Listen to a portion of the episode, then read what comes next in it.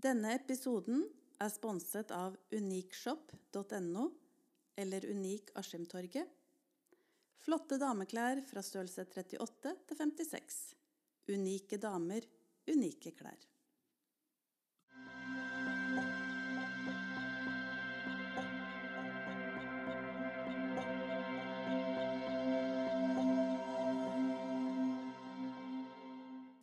Mitt navn er Lill Gjerstad Andersson.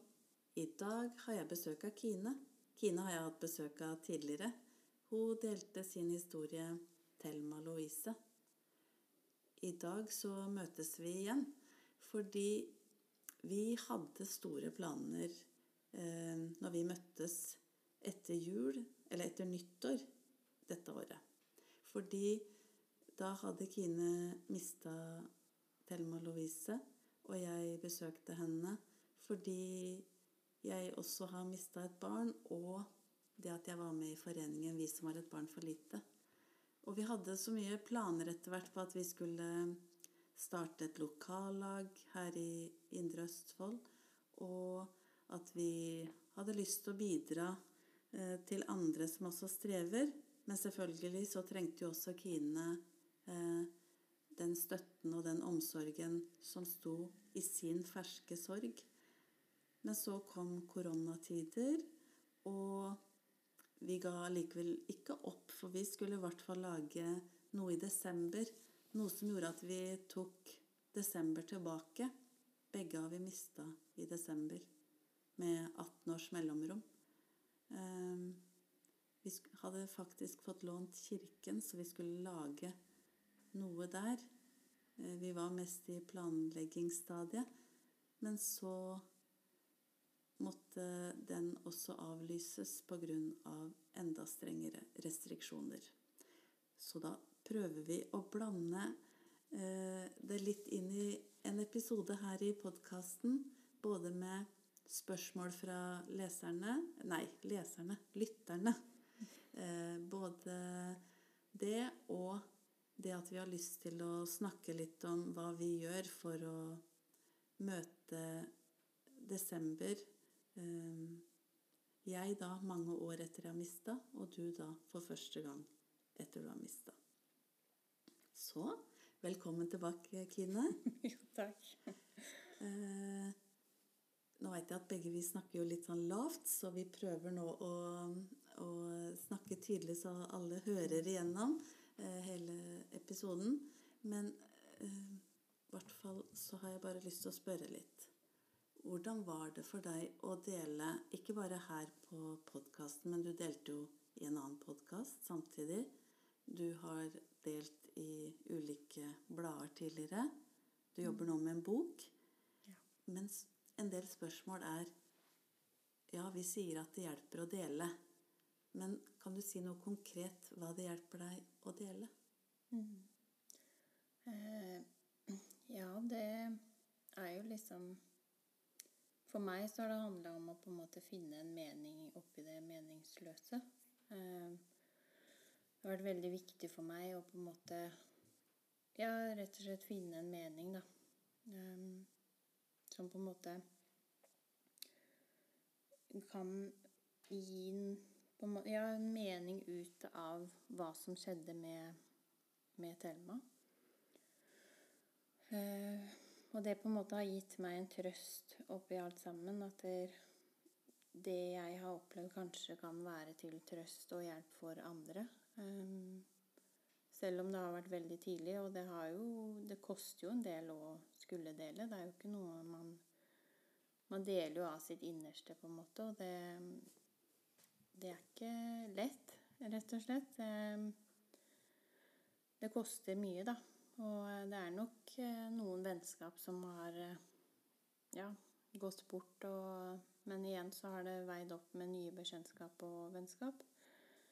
men sånn er det, og det regna jeg også med. men det var, det var, et valg vi gjorde, for vi ønska å, å være åpne og og så vet jeg også at i forhold til dødfødsel så det jo, er det jo fortsatt en del tabu rundt det, og mange som ikke helt forstår. Um, så det var viktig for meg å, å Ja, eller det er viktig å på en måte få andre til å forstå da, hvilken sorg man faktisk står i.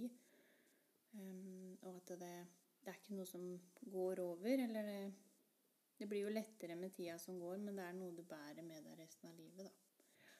Så det blir eh, Ja. Det integrerer seg liksom i deg, på en måte. Mm. Og jeg kjenner så igjen det ønsket at at jeg skrev og skrev den første tida fordi jeg skulle hjelpe noen andre. Mm.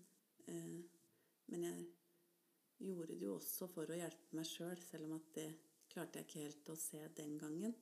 Eh, så kjenner jeg jo på, som åra går, hvor viktigere det er å si høyt også at det du nevner så vidt nå, at det å dele er også litt for å lære opp folk til å mm. møte mennesker som har det vanskelig. Ja. Fordi man møter jo noe rart. Ja. Og litt vonde eh, episoder som kunne vært unngått hvis mm. folk bare hadde eh, tørt å møte deg på en annen måte, eller, eller visst litt hvordan man burde mm. være. Så selv om det er veldig skummelt å si, da, fordi vi skal jo vi skal ikke ta så mye plass, men mm. jeg har jo hørt fra alle dere som har delt her med meg, så er det jo det vi savner, det at noen bare orker å møte oss som vi ønsker det innimellom. Ja, for det er jo alltid noen som trekker seg unna. Og det, og det Men det forventa jeg også når det her skjedde. Så forventa jeg at dere ja, at noen kommer til å falle bort, da. Um, og, men det er jo fordi at man ikke vet hvordan man skal møte noen som er i en sånn sorg, da. Det er vel kanskje det at man kanskje blir litt skremt, eller liksom Ja, hvis du ser noen på butikken, liksom Ja, skal jeg gå bort? Eh, kanskje det blir for at man tenker da Ja, skal jeg gå bort? Kanskje det blir for tøft. og hvis jeg begynner å rippe opp i det, eller hvis jeg viser meg nå, eller liksom sånt. Men eh, ja, så det er liksom for å vise at det, man, man, blir jo ikke forandra i den forstand. Jeg er jo fortsatt meg sjøl, men, men igjen så er det liksom noe jeg går og bærer på. Uh, som ikke Det er jo Ja, det er med for å ufarliggjøre det, på en måte, da. Mm. At det skal bli tryggere å ja, rett og slett møte meg. At jeg er åpen om det, og det er liksom Ja. Og jeg føler også ved å være åpen om det, ved å dele en tekst eller å dele det til mange, så har man sagt historien en gang. Så mm. slipper på en måte alle spørsmåla å komme eh, hele tiden. Fordi vil de vite det, så kan de på en måte lese det eller eller høre det. Fordi vi blir jo også veldig slitne av å måtte forklare alt hele tiden. Mm. Så det høres jo litt rart ut, skjønner jeg, hvis man ikke har gjort det sjøl eller har opplevd noe vanskelig. Men det å Ved å dele, da, så slipper jeg å tenke hva andre tenker. Mm. For da har jeg i hvert fall sagt det. Sånn er det. Og så husker jeg du sa til meg, Lill det der med å eie sin egen historie. Og det, det tror jeg er veldig viktig, for at det, Ja, folk kan jo liksom folk, ja, folk kan jo på en måte tenke sitt og liksom Men når man, som du sier, når man har fortalt historien én gang, så, så, har man fortalt det, på en måte. Da, da trenger det ikke å bli noe som legges til, eller ja, noen rykter eller eh, noe sånt. Liksom. Det, er, det, er, sånn det skjedde, og man slipper spørsmål. Man slipper å gjenta hele tiden hva som har skjedd, og, og sånt, da. Mm.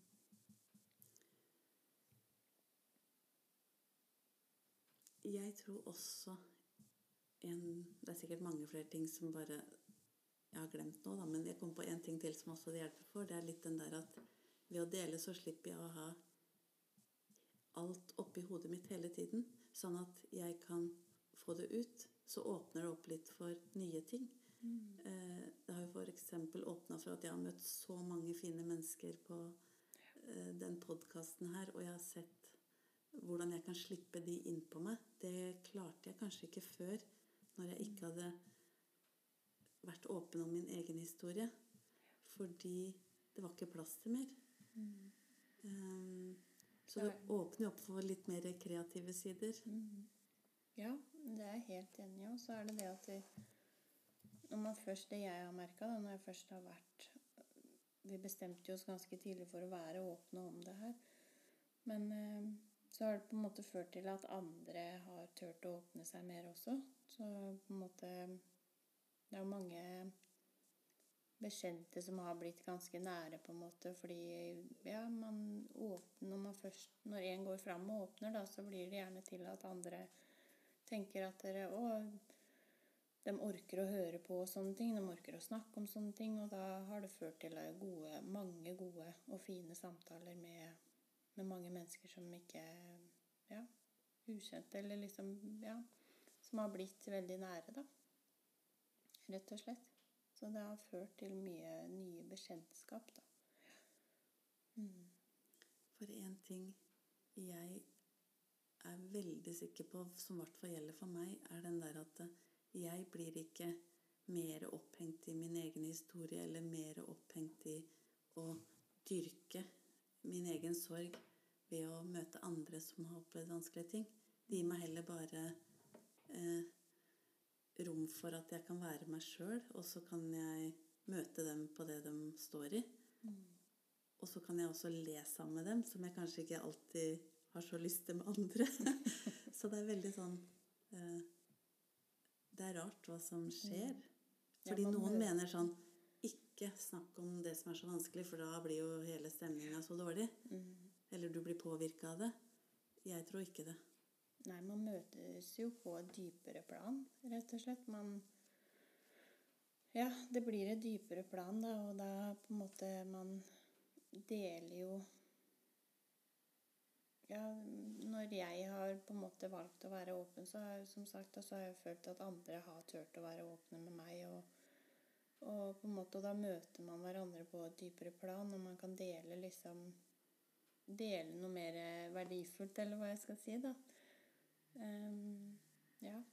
Og så er det liksom i forhold til um, Sånn som hvis folk på en måte er redd for å møte Møte sorg, noen som er i sorg, da.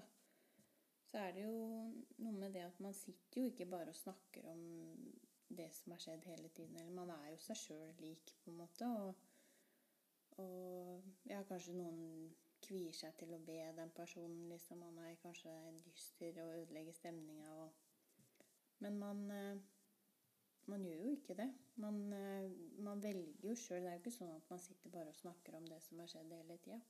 Man kan jo snakke om fine ting og hverdagslige ting og alt mulig, liksom. Man er jo seg sjøl fortsatt. Så det Ja.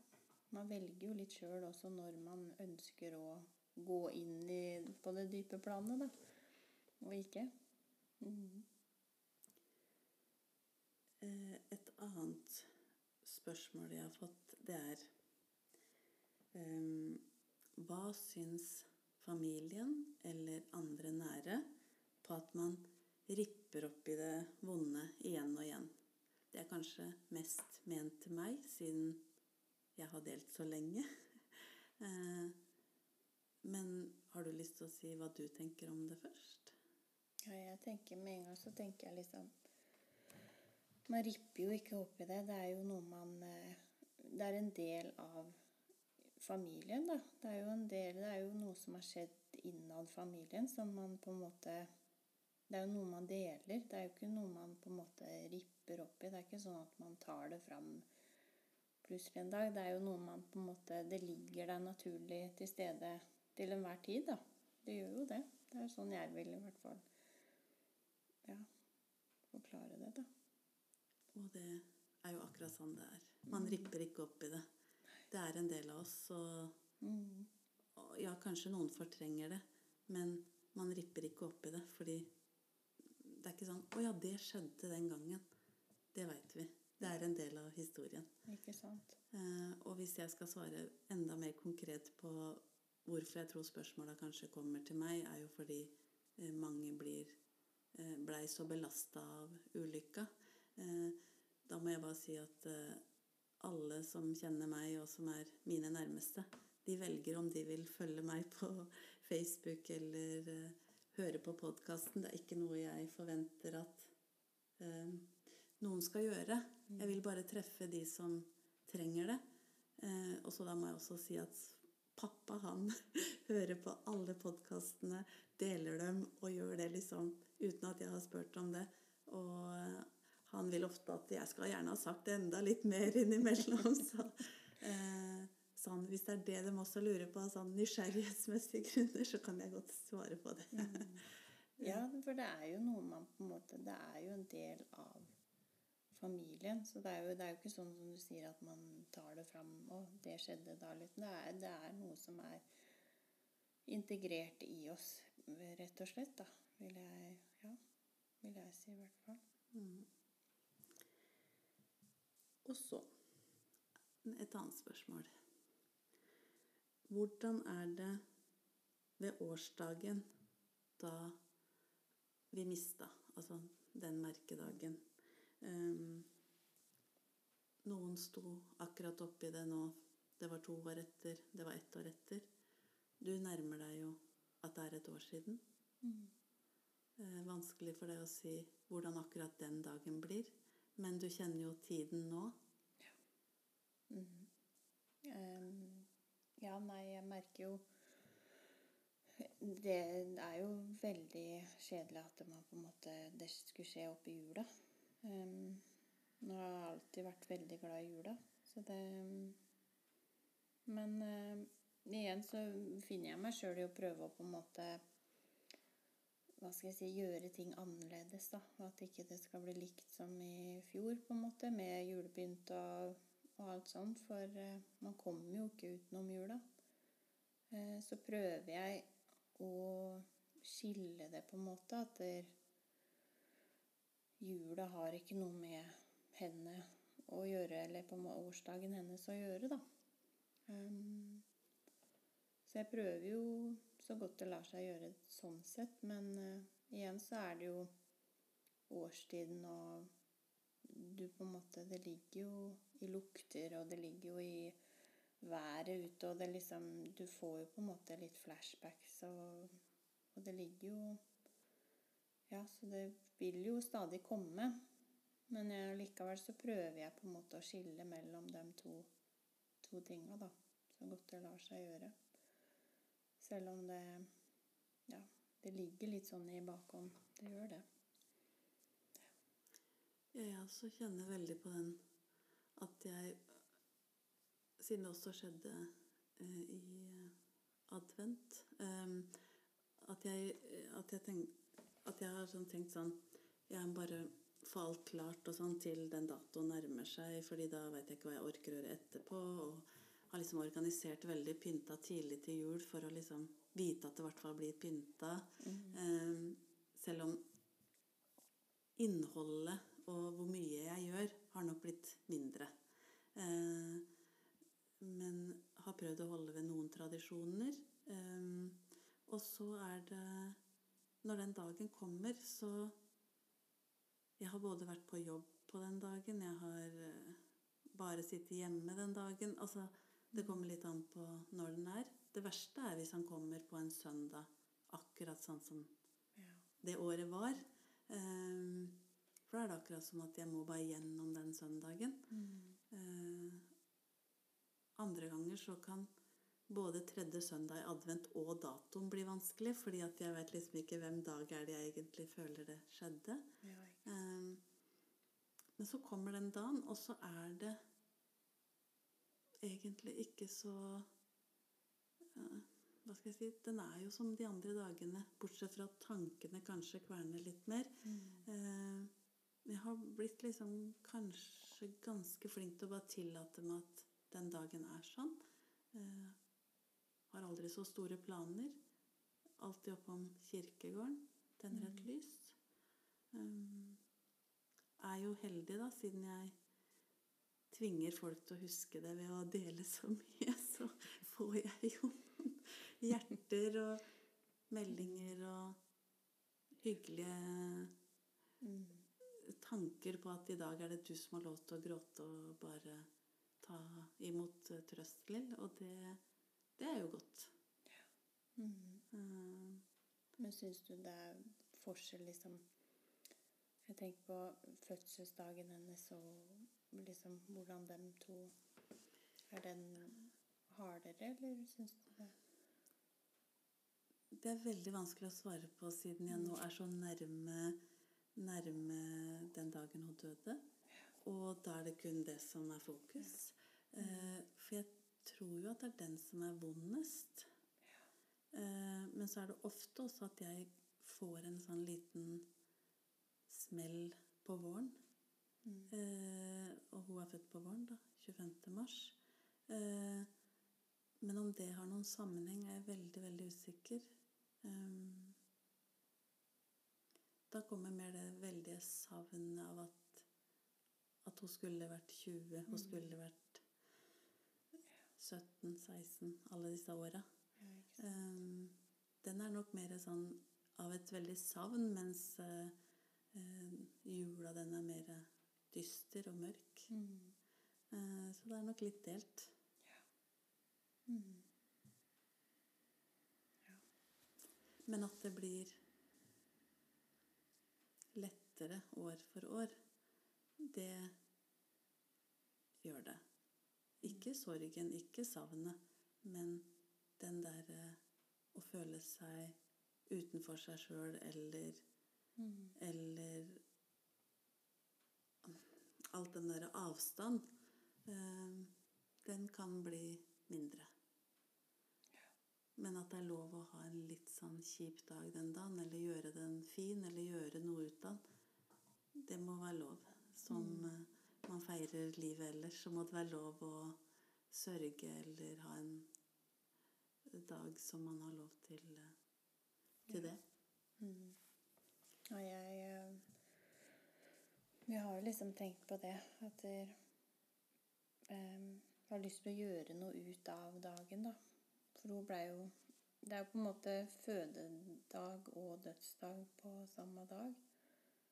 Så Men det blir jo på en måte hennes dag, og allikevel så har jeg lyst til å på en måte ja, gjøre et eller annet ut av den dagen, da. For å minnes henne, på en måte. Så jeg prøver heller å Nå blir jo første året nå, men jeg prøver liksom å finne en måte Ja, det går an å på en måte minnes henne, da. At det, at det blir, blir hennes dag. Em, og da har jeg liksom tenkt på om vi kanskje skal dra ut og spise, at vi, det blir en fast ting, da.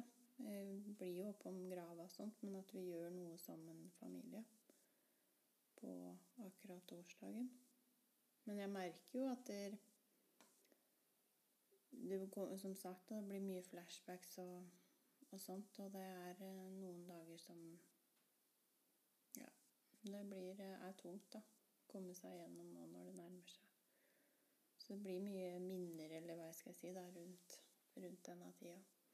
Men eh, er, du sier jo at det blir bedre etter hvert som åra går, så da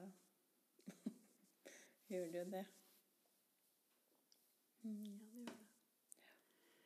Men uh, jeg også heier så fælt på den ta en sånn dag man kan minnes på både sorg og glede. Men eh, og den ene episoden jeg hadde besøk av Karianne med Peder som hun mista, da. Hvor hun Ja. har lagd en sånn Peder-dag. Mm. Og jeg kjenner jeg blir jo helt rørt over både de som kommer hjem til dem og Mm. forstår hvor viktig den dagen er for dem, da. Eh, fordi det er, den, det er det vi som mammaer kan få lov til å eh, ta det med oss, da. Mm, det er nettopp det. Og det Så jeg driver og går i tenkeboksen nå om hva på en måte som kan bli våres ja, greie, da, eller på en måte på årsdagen. Og hvem som tar del, det Ja, det får vi jo se. Det blir jo de nærmeste, så klart. Men, eh, men ja. Så vi er i tenkeboksen når det gjelder det, da. Og så er det jo lov å, å gjøre én ting ett år og ja, gjøre noe mer ut av det en annen gang. Og, Mm. altså, jeg tror man må bare tørre å ja, eie det sjøl. Ja. Ikke la andre bestemme hva du skal gjøre. Nei, ikke sant. Mm. Så er det litt i samme eh, gata, den derre Vi tenker på dagen Dagen da, dem, da vi mister dem, og dagen de blir født. Og som er for deg da samme dagen. Eh, så er det også den derre tankekjøret vi kan bli innhenta av. Mm. Eh, Fins det noen utveier fra det tankekjøret? Jeg veit at jeg tenkte veldig ofte sånn Hadde bare jeg ikke latt Aurora gå ut Mm. den dagen, hadde jeg bare eh, tatt meg en tur ut litt før Jeg klarer ikke å se at eh, jeg var en grunn til at jeg var inne. Altså, da skal jeg bare finne ut svar på Mm. hva som gikk gærent. Eh, hva hvis vi hadde kjørt på Ski storsenter som vi hadde tenkt til? Eh, hva hvis det fantes en gud, så hadde det vel ikke skjedd? Altså, det Mm. skjer så mye tanker. Eh, hva kan vi gjøre? Er det noen som lurer på. Hva gjør vi for å slippe det tankekjøret? Mm. Har du noen ja, det, det kalles jo eh, som de kaller kvernetanker, men ja, det heter. Eh, og jeg var på sånn selvhjelpskurs eh, ganske nylig etter Thelma døde, gjennom Landsforeningen uventet barnedød. Og der Den var basert ut ifra den boka som heter Den lille sorgboka? ja, som det går an å få kjøpt eh, via LUB-nettsidene, da. Og den, eh, den er laga av en psykologspesialist og en kognitiv terapeut. Eh, og den går veldig på det at det, man kommer antageligvis ikke utenom kverntankene, men, men på en måte at man De gjør deg ikke noe godt heller, liksom. Fordi det som har skjedd, har på en måte skjedd, og du Og man, man sitter liksom og tenker Og det har jeg gjort også utallig mange ganger. Tenkt om og om igjen. Herregud, eh, hva om det hadde blitt sånn? Hva om jeg hadde gjort sånn? Eh, kanskje det er min feil? Kanskje jeg skulle sagt ifra tidligere? Kanskje jeg skulle krevd mer? Kanskje jeg skulle gjort ditten og datten? Men det gagner meg ikke. Det bare tar meg for energi, da. Fordi at jeg sitter og kverner og kverner. Em, og det som har skjedd, har på en måte skjedd. Det bringer jo ikke henne tilbake på noe som helst måte, men eh, Og da handler det på en måte om å finne liksom Det er litt sånn basert på kognitiv terapi, mener jeg, eh, den boka. Og da handler det om å på en måte ta fatt i de kvernetankene, da. Rett og slett. Og ta fatt på én og én og liksom Når kommer dem, og er det noe som trigger det? Er det noe på en måte Ja, og når man får fatt på de kvernetankene, eh, og kanskje triggerne, så kanskje man kan på en måte kartlegge Er det noe jeg kan gjøre for å på en måte overdøyve den tanken, på en måte, da. Eh, etter Thelma så hadde jeg veldig vanskeligheter med å gå i barnehagen. Og møte andre foreldre, og For alle hadde jo fått beskjed. Um, og da Det var en sånn kvernetanke for meg at det, det stoppa liksom helt opp. eh, Og så tenkte jeg åssen skal jeg komme i gang igjen i å fungere i det hverdagsliv med henting og levering i barnehagen. Noe, enk, noe så enkelt som det. Men da kverna det, og nei, nå ser de på meg stakkarslig, og uff meg, det har skjedd, og, og alt det der. Og da måtte jeg på en måte inn og Og da skjønte jeg jo etter hvert at ok, barnehagen er en trigger, rett og slett. Eller det å hente og levere og, og skulle møte så mange mennesker på en gang, da. Um, og da måtte jeg liksom ta fatt på det og så tenke liksom Hva er det verste som kan skje, liksom? Um, hva, hva er det verste som kan skje på en måte med at du møter de menneskene, med at de gir deg et klapp på skulderen, og du har lov til å bryte sammen og gråte hvis det er det, hvis det, er det som skjer? Eller man har lov til å på en måte bare gi et nikk og gå videre, på en måte, da.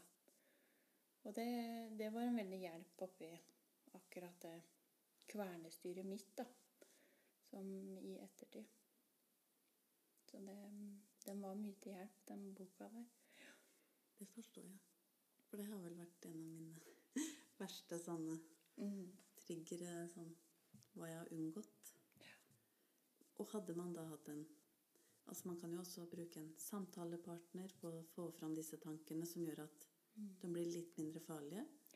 Du kan jo gå i en sorggruppe så du møter andre mennesker som har det samme, så du ja, også får litt veiledning på dette her. Og Ja, for den boka men den er nok mer på de hverdagslige Mm, kvernetankene. mm. Men så har du jo også katastrofetanker. Mm. Eh, og det blir på en måte mer ja, scenarioer. Disse her scenarioene man kan se for seg liksom at det, ja, i hverdagen da, som plutselig dukker opp og på en måte kan plage huet litt, eller hva jeg skal si. da, og det, og det er nok heller bedre å på en måte bruke samtaler, som du sier, da. Eller, Mm, det, så den boka er nok mer på det hverdagslige. Og den er jo Ja, det er jo bare ulike tips, men at man kan ja, Det er jo ikke unaturlig at de tankene kommer, men prøve å Ja. ja, Ikke ufarliggjøre dem, men møte dem, da. Mm. Og så kanskje finne en annen strategi. Mm. Mm. Eh, Du, vi har jo snakka om det at du har delt en del og sånn. eh, og du fikk jo lese litt fra boka di som du er i sluttfasen på Mm. eh, sist gang. Eh, og så da er det noen som lurer litt på hvordan får man gitt ut en bok, og er det en stor prosess? Er det hvem skal godkjenne osv.? Kan du fortelle litt hvordan du har gjort det? Ja. Um, nei, det er vel tre ulike måter å gi ut bok på. Og det er jo de tradisjonelle forlagene, og så er det noe som heter Vanity Forlag, tror jeg det heter. Eh, og så er det selvpublisering. Um, og den Vanity er liksom midt imellom at du får hjelp, men du står mye for selvpubliseringa sjøl. Men også at man har rettighetene da, rundt boka, som man gjerne mister da når man går for de tradisjonelle. Um, og jeg eh, sendte jo inn eh, manuset mitt til mange forskjellige av disse tradisjonelle forlagene. Og det er veldig, veldig sånn tynt nåløye på dem som kommer igjennom. Eh, og, men jeg fikk mange personlige tilbakemeldinger da, på at de mente at det var en viktig bok, og at de syntes at hele konseptet var veldig flott, men at der, målgruppa eller salgsgruppa var for liten, da. Eh, på grunn av at der, ja, det er jo ment for barn i sorg, og det er, det er liksom kanskje ikke en bok for absolutt alle. Um, så jeg gikk for Vanity-forlag. Så da fikk jeg tilbud om å, om å gi ut boka mi gjennom det forlaget, da. Um, og det er jeg veldig fornøyd med, da. På en måte Jeg beholder mine egne rettigheter samtidig som jeg vil få hjelp til hele prosessen, da. eh, Til dette her. Em, så jeg kan jo på en måte bestemme forsiden sjøl og tittelen sjøl og alt mulig i boka. Så det er jeg veldig glad for at det på en måte At det blir, det blir på en måte min bok, da. Mm. Så det Og hvordan, hvordan gikk du fram og fikk en tidligere skolevenninne til å lage eh, bildene? Nei, jeg eh, Nei, hun hadde en sånn eh, Instagram-side som jeg har følt en stund, tror jeg. Og så har jeg liksom alltid visst at hun har eh, illustrert litt og sånt.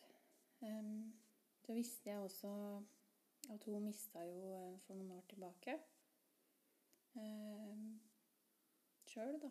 Og da tenkte jeg lenge på det, men uh, så tenkte jeg, vet du hva Jeg tar sats og sender henne melding, og det gjorde jeg jo. Og da fikk hun jo hjerte for det sjøl, da. Så jeg kunne jo ikke hatt noen bedre illustratør, tror jeg. Og fantastisk flink, som har tolka teksten min eh, veldig, veldig bra. Hun har eh, bedre enn hva jeg forventa, faktisk. Så hun, eh, nei, hun har tolka det ja, skikkelig bra. Mm. Og hvor ligger dere i prosessen nå, da? Nei, illustrasjonene er vel snart i mål. Um, noen til som mangler. Og så, og så er det, driver jeg og jobber med redaktør, da. Med å gå gjennom manuset og ja, skrivefeil og, og ting og liksom setninger kanskje kan gjøres litt om på og litt sånt, da. Men eh, vi, vi begynner å komme ganske langt på vei nå. Og eh, de fleste av illustrasjonene er ferdig. Så det er veldig Og når jeg ser åssen hun har tegna og tolka teksten, så eh, det er jo en motivasjon uten like, for hun er fantastisk flink. Og jeg ser jo at hun legger hjertet og sjela i, i tegningene, da. Og eh, Nei, så jeg tror det Men jeg ser på boka som et samarbeid heller enn at en det er en bok jeg gir ut. Det er jo et samarbeid mellom flere personer. Og det er det jo gjerne når man gir ut en bok. Um, så vi håper jo veldig på at denne boka kan kanskje være et litt mer pedagogisk verktøy eh, til barn da, i sorg. Eh, og så har vi sett liksom litt på tidligere barnebøker om, til barn i sorg, hvor de har brukt veldig grå og litt sånn Det blir veldig triste illustrasjoner, da. Eh, og da snakka jeg og Frida om at barn blir jo ikke Verden blir ikke grå selv om barna Verden blir jo ikke fysisk grå selv om barna er i en sorg, på en måte. Så det var veldig viktig for oss å på en måte bruke farger, og at det skal være en barnevennlig bok som barnet kan kanskje sitte og velge å, å titte i på egen hånd. da. Og det Ja, at vi ikke er redd for å bruke farger og detaljer, og liksom at det blir, at det blir en skikkelig barnebok, da. Mm. Og det Så er det jo dem, dem som er liksom med, med, på det her. Det er jo Frida hun er jo utdanna barnehagelærer, og så er det jo er det jo han eh, redaktøren, da. Og han eh, jobber jo som pedagog. Og så er det jo eh, Eline Grelland, da, som, som også skal være med på etterord. Og, og hun også får jeg jo tilbakemeldinger i forhold til illustrasjonen, om det kan passe til barn. Og, og hun er jo da utdanna pedagogisk psykologisk rådgiver. Og jobba mange år på, på, i sorggrupper da, på Ahus. Um, og skrevet flere bøker. Uh, eller vært med da og skrevet. Og, så det betyr mye at jeg på en måte får perspektiv fra dem som jobber med barn. da, at det, ja, Så det blir Vi håper at det kan bli på en måte et verktøy man kan jobbe litt med, med barna rundt. Mm. Det er jo kjempespennende. Ja, det er det. og, og, vondt og alt, men det er jo veldig spennende. Mm. Ja. Nei, vi tror, og, tror dette her eh, Det ser ut til å bli veldig flott. Ja, det er bra. Prosjekt altså, som jeg kommer til å være ekstremt stolt av. Ja. Um, spesielt disse illustrasjonene til Frida. Dem, ja. Det du gjør med den boka, er jo fordi du er mamma til Amira. Har sett hvordan hun um, har det ved å stå i sorg. Uh, du tenker på hvordan hun skal ha det framover, og andre barn. Eh, det samme gjelder jo både voksne og barn. Den derre sorgen er en del av livet, men den kan jo også eh, påvirke den psykiske helsa. Psykiske helsa påvirker sorgen. Altså det går så veldig sånn i mm. hverandre. Um, for hvor er det sorgen passer inn i samfunnet? Um, kjenner du litt på den der at uh, noen ganger så passer man ikke helt inn. Uh, man kan stoppe en uh, hyggelig bursdagsfeiring ved å liksom komme dit på en dårlig dag, eller man kan eh, spurt hvor mange barn har du? Skal du ta den samtalen da, eller skal du vente? Skal du passe på at dem har det bra, eller skal du sjøl ha det bra? har du kjent på den derre utafor-følelsen? Ja. Um, ja, jeg har kjent på det allerede, egentlig. Um, men jeg tror liksom at jeg velger vel litt mer settinger på en måte hvor jeg føler det er komfortabel nok til å fortelle det, og noen ganger så lar jeg være og, og på en måte orker ikke å rippe opp i det. Um, hvis noen spør da hvor mange barn man har, f.eks., da. Men uh, så får man jo litt dårlig samvittighet for at man ikke nevner, nevner ja, barn man har mista, da. Men uh, det er jo for å slippe den derre bomba, liksom. Og begynne om å fortelle hele regla, da. Men uh, sånn som i ettertid, da, så Eh, på en annen arena, liksom, så skulle jeg jo Fikk jeg jo tilbud om eh, samtale liksom etter dette med Thelma, og tenkte at å, det skal bli godt å, å, få samtale og snakke med noen om dette her og liksom bearbeide sorgen. Um, og det var jo på Det var jo på DPS. Um, men i løpet av andre timen så var de nødt til å sette en diagnose.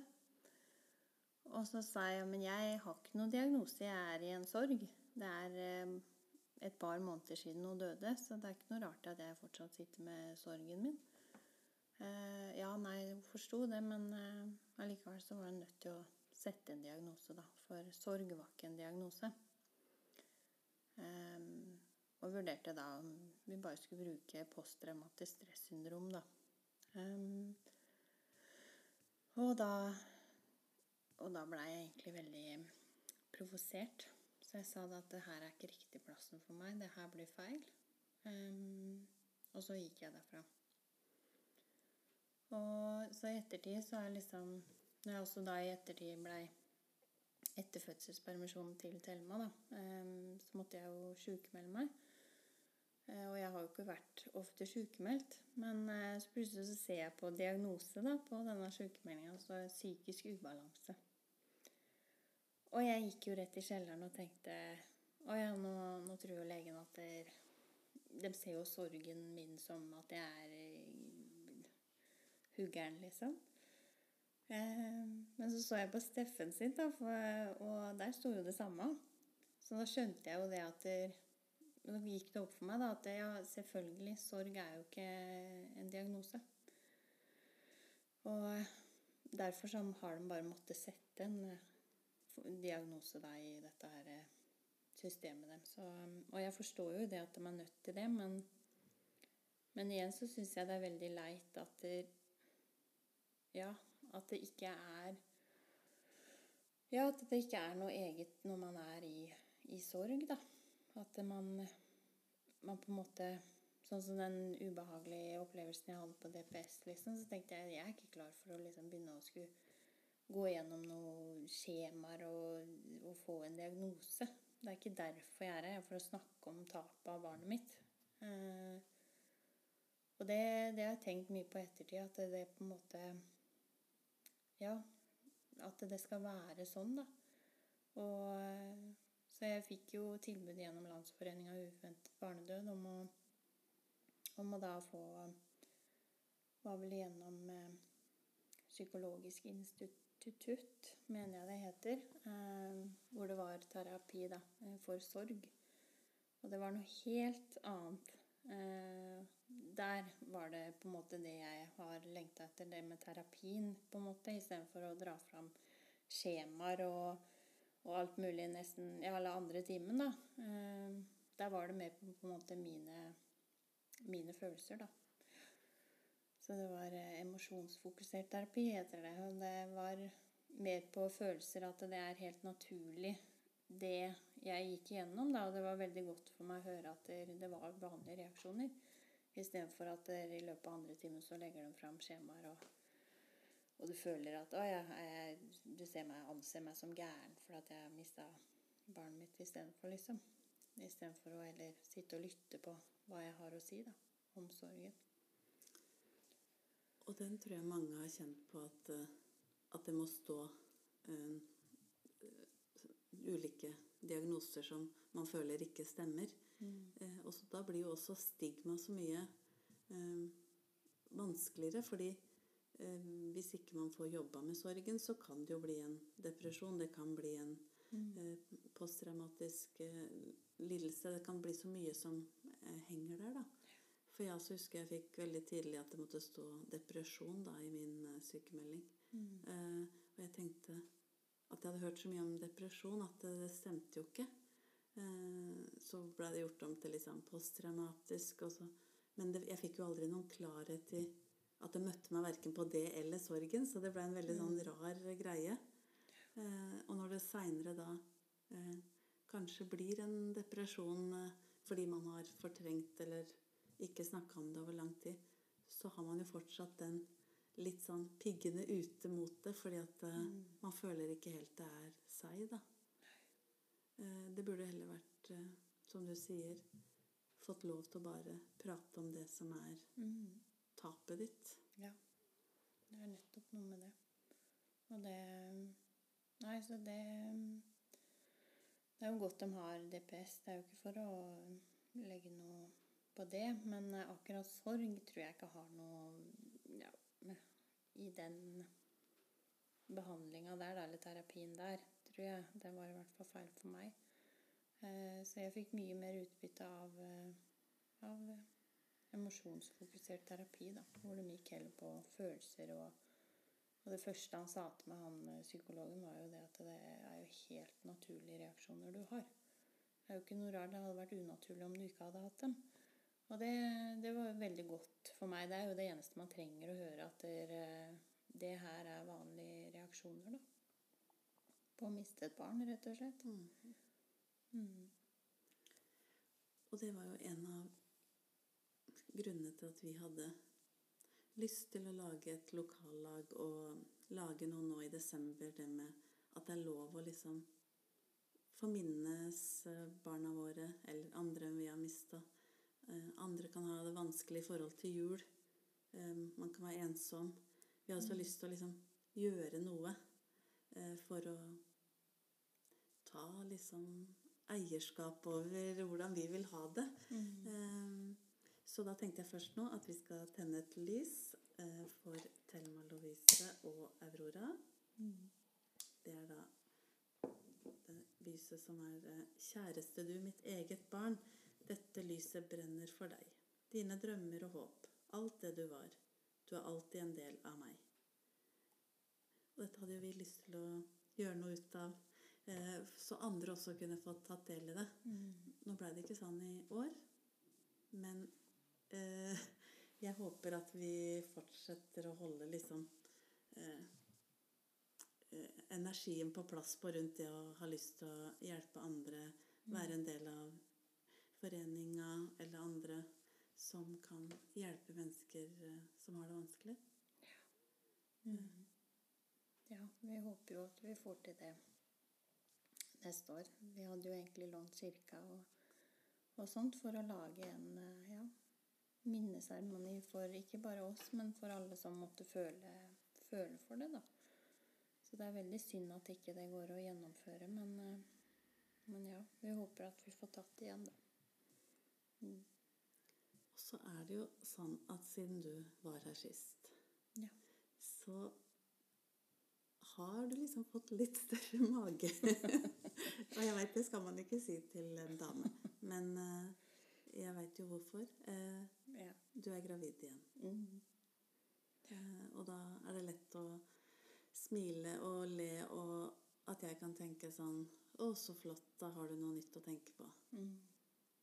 Men jeg veit at det ikke nødvendigvis bare er sånn. Eh, men kan du fortelle litt hvordan det er å være gravid igjen så rett etter man har mista? Nei, det er jo Det er mye tanker og bekymringer, og det er jo ikke å legge, legge under en stokk, liksom. Det, det er det. Og det blir mye, mye av disse her kvernetankene og, og alt dette her. Um, det, men det tror jeg ikke jeg kommer unna heller.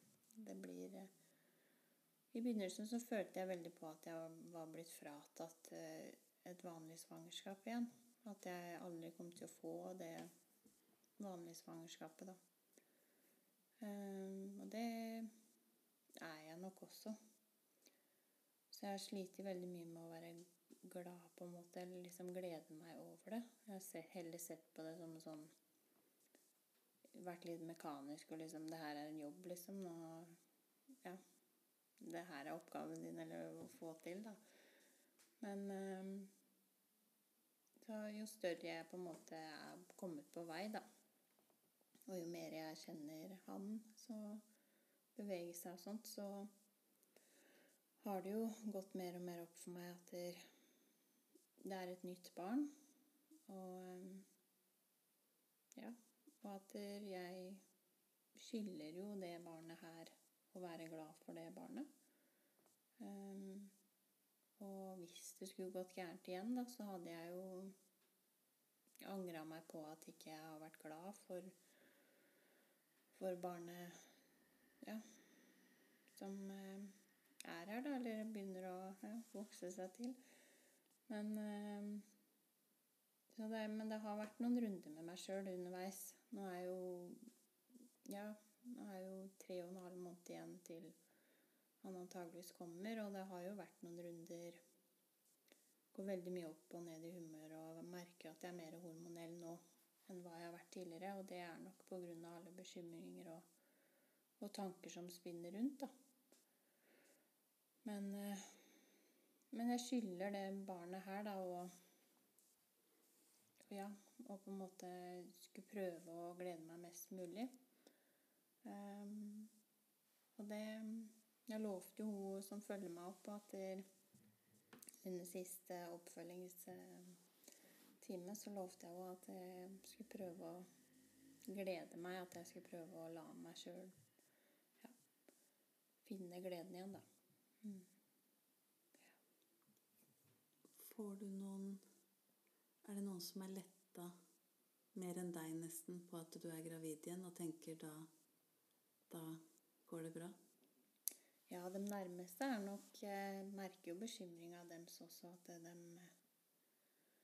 Men jeg ser jo at de gleder seg, og det, det hjelper jo meg også. At det, det, gjør meg glad å se at der, ok, da i hvert fall andre kan glede seg over det her. Og, og det, det, betyr jo mye. Men uh, heldigvis, jeg har ikke fått den kommentaren ennå om at der, ja, nå nå kommer jo nå, Det går bra, eller liksom nå kommer jo et barn, i hvert fall, da. Eller liksom ja, en, en eller annen sånn kommentar rundt det. Det har jeg ikke opplevd ennå, heldigvis. Um, for uh, jeg sliter veldig mye med det at der,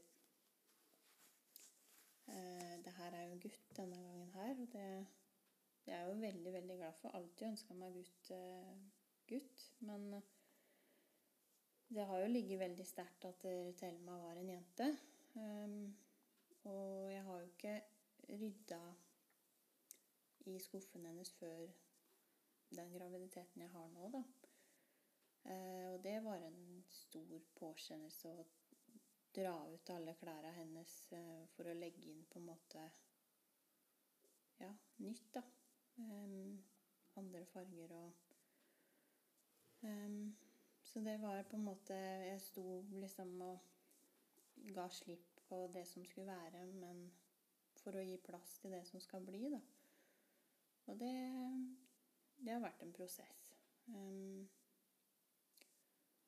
og, men så må jeg bare liksom på en måte prøvd å innse nå at det, det her er jo et nytt barn, og jeg kommer alltid til å ha en jente for lite.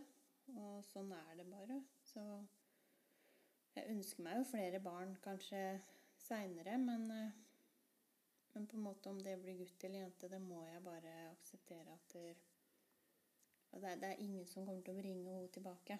Det er det ikke. Og hun Thelma er eh, Jeg kommer alltid til å ha en jente for lite uansett. Så det Ja. Så jeg er der nå at jeg på en måte Ja, må legge til rette for det nye som kommer, da. Mm. Tør du å være enda mer tydelig hva du ønsker av leger og dem som følger deg opp? Jeg kan ikke klage på oppfølginga jeg får. det skal jeg ikke gjøre.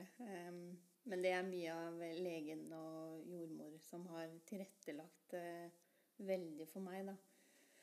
Så dem uh, har ordna sånn at jeg privat får uh, gjennom gynekolog, da. Eller overlege, på en måte, som privat. Og ikke gjennom så, Sånn utenom sykehus, da. For sykehuset er jeg på en måte får en viss oppfølging, men men eh, jeg skal ikke klage på det, så jeg har vel fått sjekk annenhver uke utenom å kreve noe sjøl, da. Så den bare legger til rette for meg. Og så akkurat der så er jeg innmari heldig. Så, men selv om det er bare to uker imellom, så dukker bekymringen opp mellom hver gang, faktisk. Så det. Det forstår jeg veldig mm. godt. Eh, men er det én ting jeg veit alle de som hørte på deg sist, og som hører på nå, er at liksom alle bare unner deg alt godt. Og ja krysser nok alle fingre på dette ja. her. Um, selv om det ikke hjelper deg noe, så er det liksom godt å vite at det er noen som heier på deg, da. Ja, absolutt. Det, nei, det varmer å, å liksom eh, Nei, vite at det Ja, det er mange som eh, ønsker det godt, da. Det er jo godt å vite. Mm. Så da Først så skal vi gjennom denne desember, da, og gjennom disse merkedagene. Eh, du for første gang, og jeg for 19. Mm. og så møtes vi her og har det liksom jeg, jeg, jeg, jeg, vil liksom love deg at det blir bedre. Men at vi er merka, det er vi vel bare. Ja. Det mm. stempelet står der. uh, ja. ja. Og så får vi uh, tenke at uh, noen andre forstår åssen det er. Mm. så er det alltid noen som ikke klarer helt å forstå, kanskje. Og det, det, er greit nok, det også. Mm. Så det, sånn er det bare. Ja. Mm. Men av hele mitt hjerte så ønsker jeg deg en så god jul som det går an å få. Ja, det samme til deg og Lill. Med eh, Steffen og Amira, og mm. at dere lager deres greie. Ja. Og så gleder jeg meg til å se denne babyen om noen måneder. Mm. Ja. Så tusen takk, Ine. Mm, takk skal du ha.